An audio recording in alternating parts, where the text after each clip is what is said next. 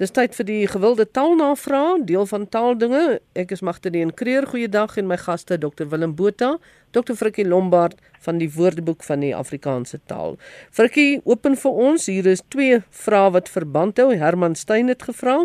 Hy sê tydens sy blokkies raaisel eskapades kom hy gereeld op die woord asem as luidraad af en dan die woord wat die antwoord is is dan adem. Hy sê hy kan nie dink aan 'n situasie waar 'n mens ooit adem moet of sal of kan of wil gebruik nie. En dan die tweede deel van die vraag is as ons die Afrikaanse sin hy haal asem gebruik, dan is die werkwoord haal. In Engels daarenteen sê ons bloot he breathes. Met ander woorde, breathe is die werkwoord.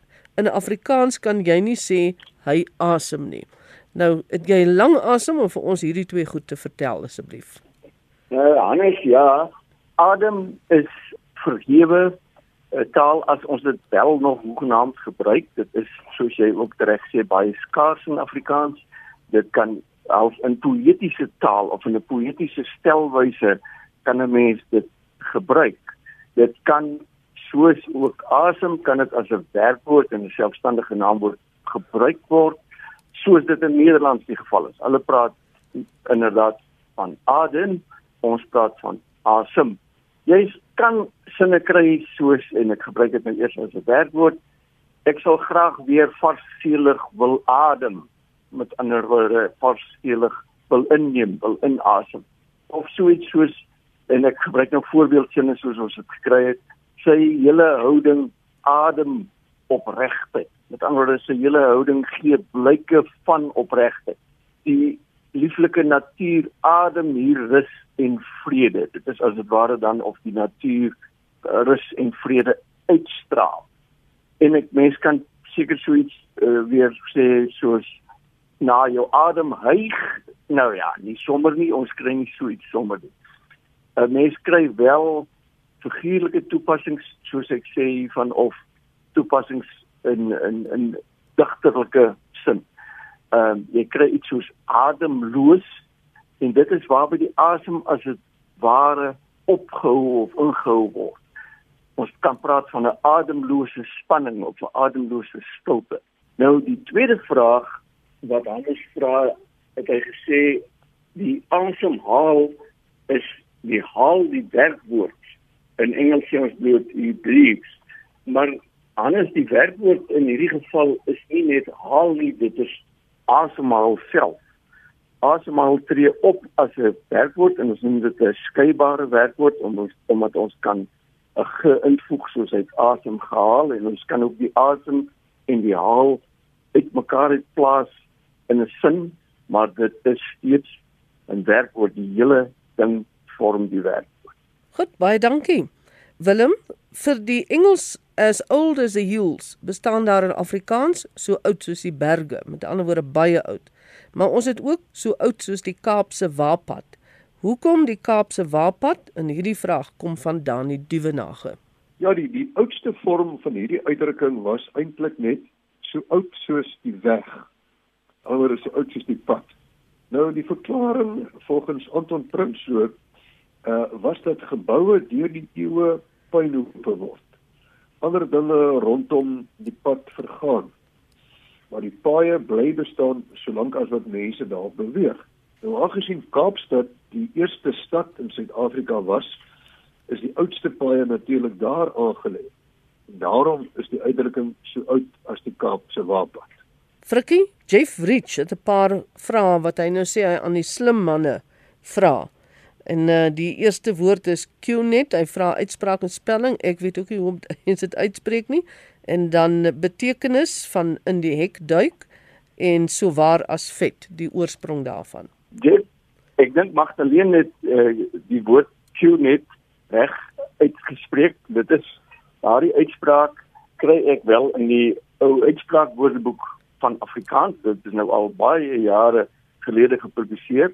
Met ander woorde QNet, dan wat jy vra oor in die hek duik, wat beteken dit?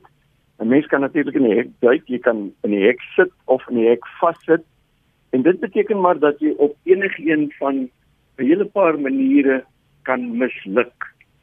dit is is dit in die eksamen dat studente sê in studentetaal ek het dan in die hek geduik met daai vraestel gister of jy kan in die hek duik of jy kan in die hek sit of jy kan in die hek vassit. In 'n werksonderhoud jy weet waar jy byvoorbeeld klei trap en nie goed vaar. Nou die ander ding so waar as vet dit is natuurlik ook so waar as wat Pada Maneldra uh nog voorbeelde van uitdrukkings uh wat dieselfde betekenis so waar as botter en brood. En ek het ook gekry so waar as katang of ketang. En na die katang of ketang word nie onder verklaar nie nou ek het gekyk in uh, Anton Prinsloo is reeds vermeld deur Willem wyle Anton Prinsloo het 'n boek opgestel oor spreekwoorde en waar hulle vandaan kom hy gee geen verklaring by so waar as vet nie. Met ander woorde, ek sal baie graag hoor as enige luisteraar vir ons kan sê wat hy sy of haar idee is oor waar hierdie uitdrukking ontstaan het. Anton ken dit nie. Ek ken dit ook gewoon nie. Maar wat interessant is is ek kan 'n bietjie praat oor hierdie so waar as wat Pada Manel dra want Anton verklaar dit inderdaad. Hy sê uh, dit is 'n Afrikaanse verbrouing van 'n Nederlandse gesegde. Vroeger het die ouderlinge van die kerk in Nederland manelle gedra natuurlik en hulle het bekend gestaan as die kerkvorsten.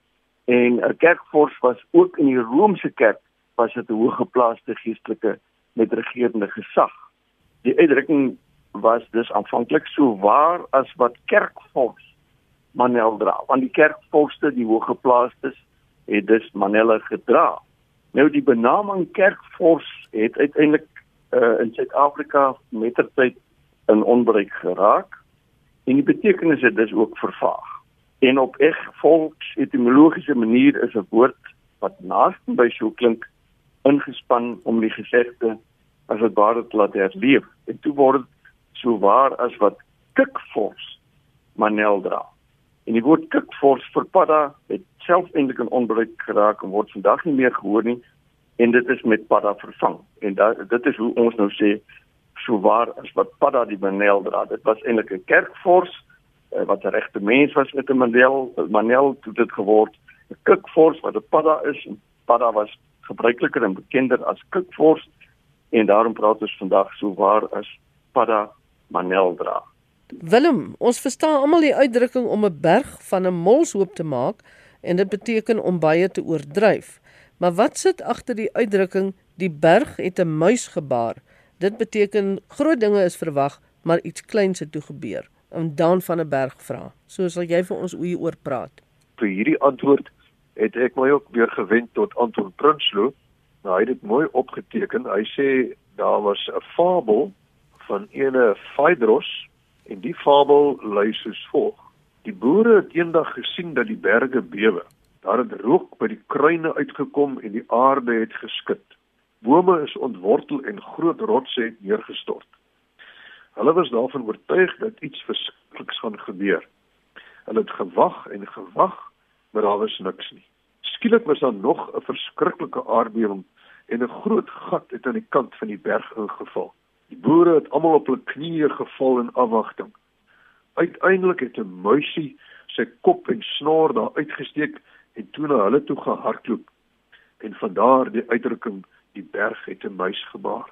Maar die fabel word op sy beurt volgens Anton toegeskryf aan die Romeinse geskiedskrywer en digter Horatius en sy verhaal lui soos volg. Die Egiptiese koning het in die 4de eeu voor Christus 'n langdurige oorlog teen Augustus die Persiese koning gevoer en hy het uiteindelik by die Spartane om hulp gaan aanklop. Hulle koning Agesilos het met sy troepe opgeruk, maar toe die Egiptenare hom sien, het hulle gelag want hy was 'n klein, verslonste, halfkrepel ou mannetjie. Hulle het gesê, "Die berg het geskit. Jupiter het verskrik een kant toe geskrik en 'n muis het uitgehardloop." Agesilos het toe gesê, "Toe, Julle noem my 'n muis, maar ek sien hulle gou wys dat ek soos 'n leeu kan beklei.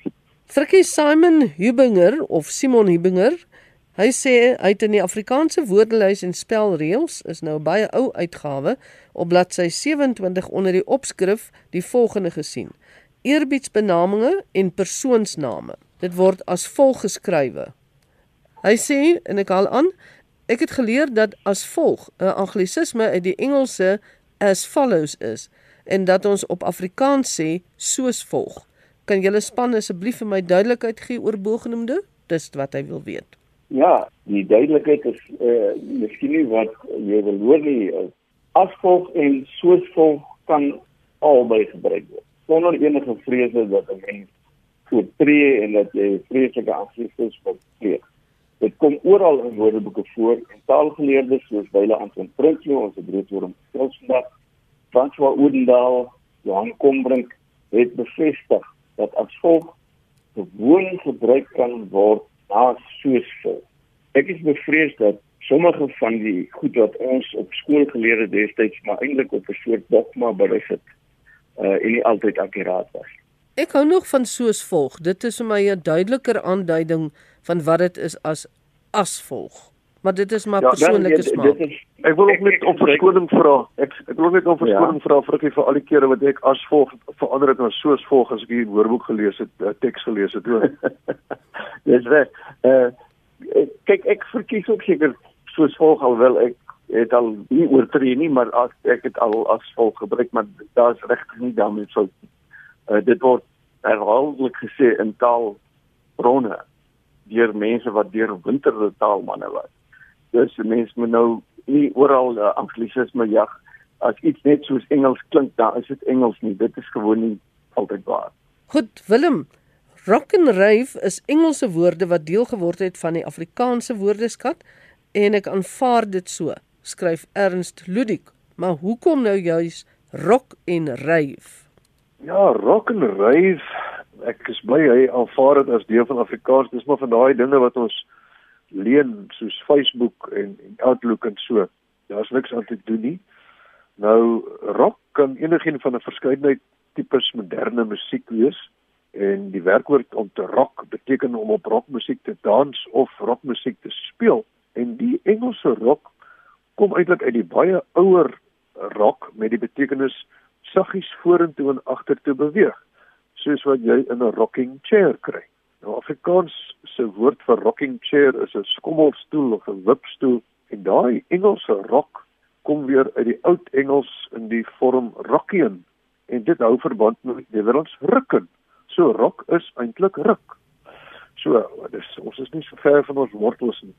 Dan ryf ehm um, is 'n groot uh, lewendige partytjie in 'n nagklub waar 'n tipe harde, vinnige elektroniese musiek gespeel word of ehm um, so 'n partytjie of dit kan die werkwoord wees om so 'n partytjie by te woon of aan so 'n partytjie deel te neem. Ek, ek gaan ek gaan ryf.